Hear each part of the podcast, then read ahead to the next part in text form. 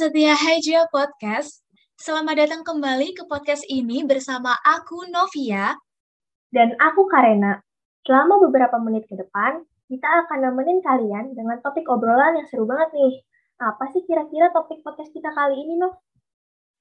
Nah, topik obrolan yang akan kita bahas kali ini menarik nih, Ren. Kali ini kita akan membahas tentang toxic relationship. Sepertinya Sobat Haja udah pada akrab ya dengan istilah ini. Tapi, apa sih sebenarnya makna dari toxic relationship itu sendiri?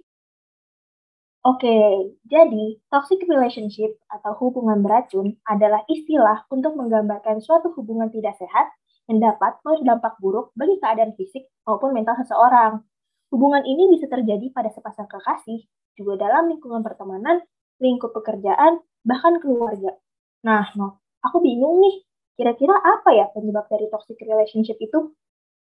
Jadi gini nih Ren, terdapat beberapa hal yang dapat menjadi penyebab dari terbentuknya toxic relationship.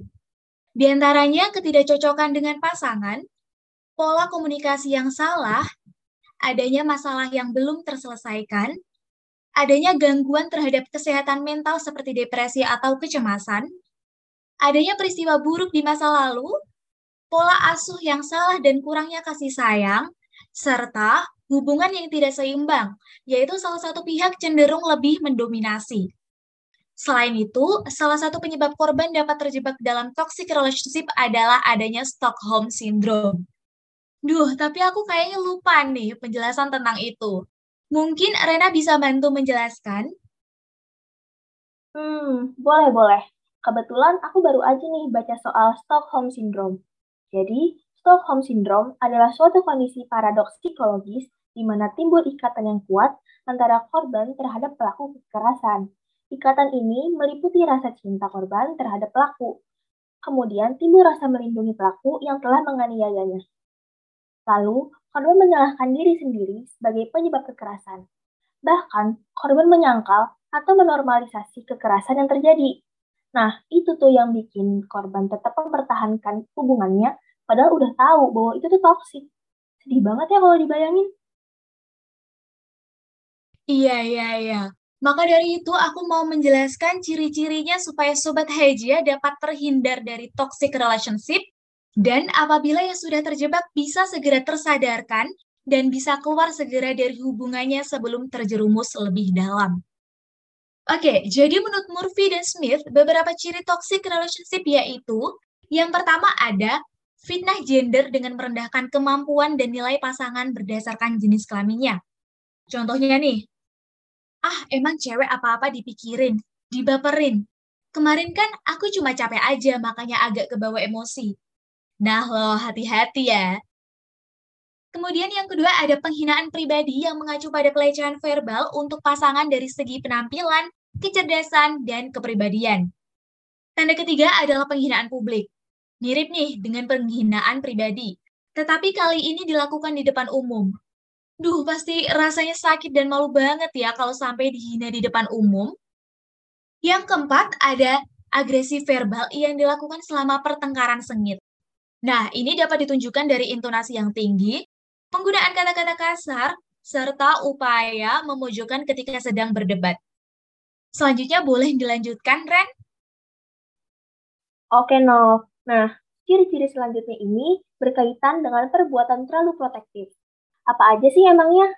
Yang kelima, kecemburuan atau rasa kepemilikan yang ditandai dengan pengawasan yang berlebihan terhadap keberadaan dan aktivitas pasangan. Kayak selalu nanya, kamu di mana? Sama siapa? Ngapain aja?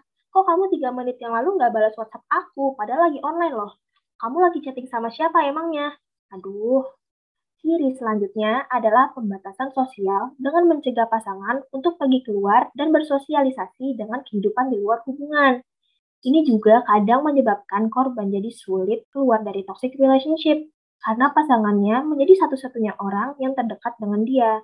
Dan ya, korban jadi nggak tahu harus cerita dan minta tolong ke siapa. Duh, ngeri banget ya.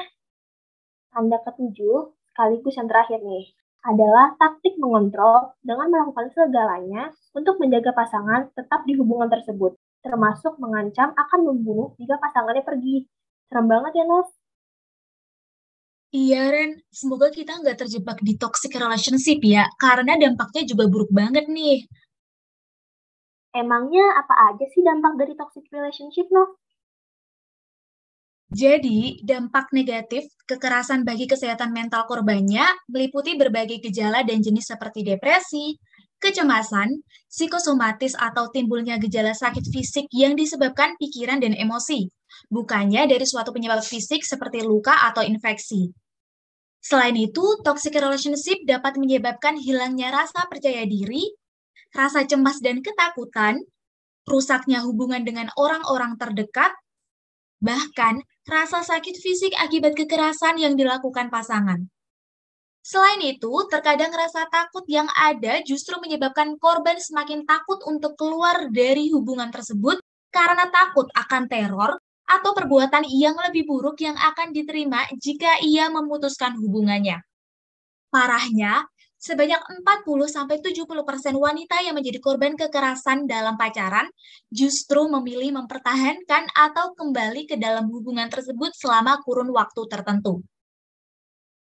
Nah, karena dampak buruk yang serem banget nih, kira-kira apa aja sih yang bisa kita lakukan ketika kita atau orang terdekat kita terjebak dalam toxic relationship? Karina tahu nggak jawabannya?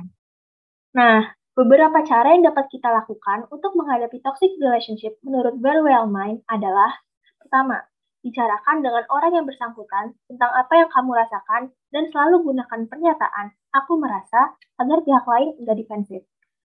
Setelah terbuka, coba diskusikan apa yang kamu rasakan tersebut dan sampaikan bahwa kamu ingin mengubah kondisi toksik itu bersama-sama.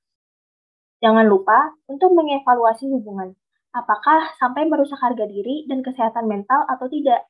Kalau sudah terlalu parah, lebih baik minta bantuan profesional seperti konsultan hubungan atau psikolog, atau akhiri hubungan tersebut. Yang perlu diingat, sadari bahwa beberapa orang toksik tidak mau berubah, terutama jika punya gangguan keterampilan sosial atau mental. Sadari batasan dirimu dan jangan memaksakan diri ya. Yang kelima, sebisa mungkin selalu membela diri sendiri tanpa terlibat konflik terbuka ketika berada di situasi sulit.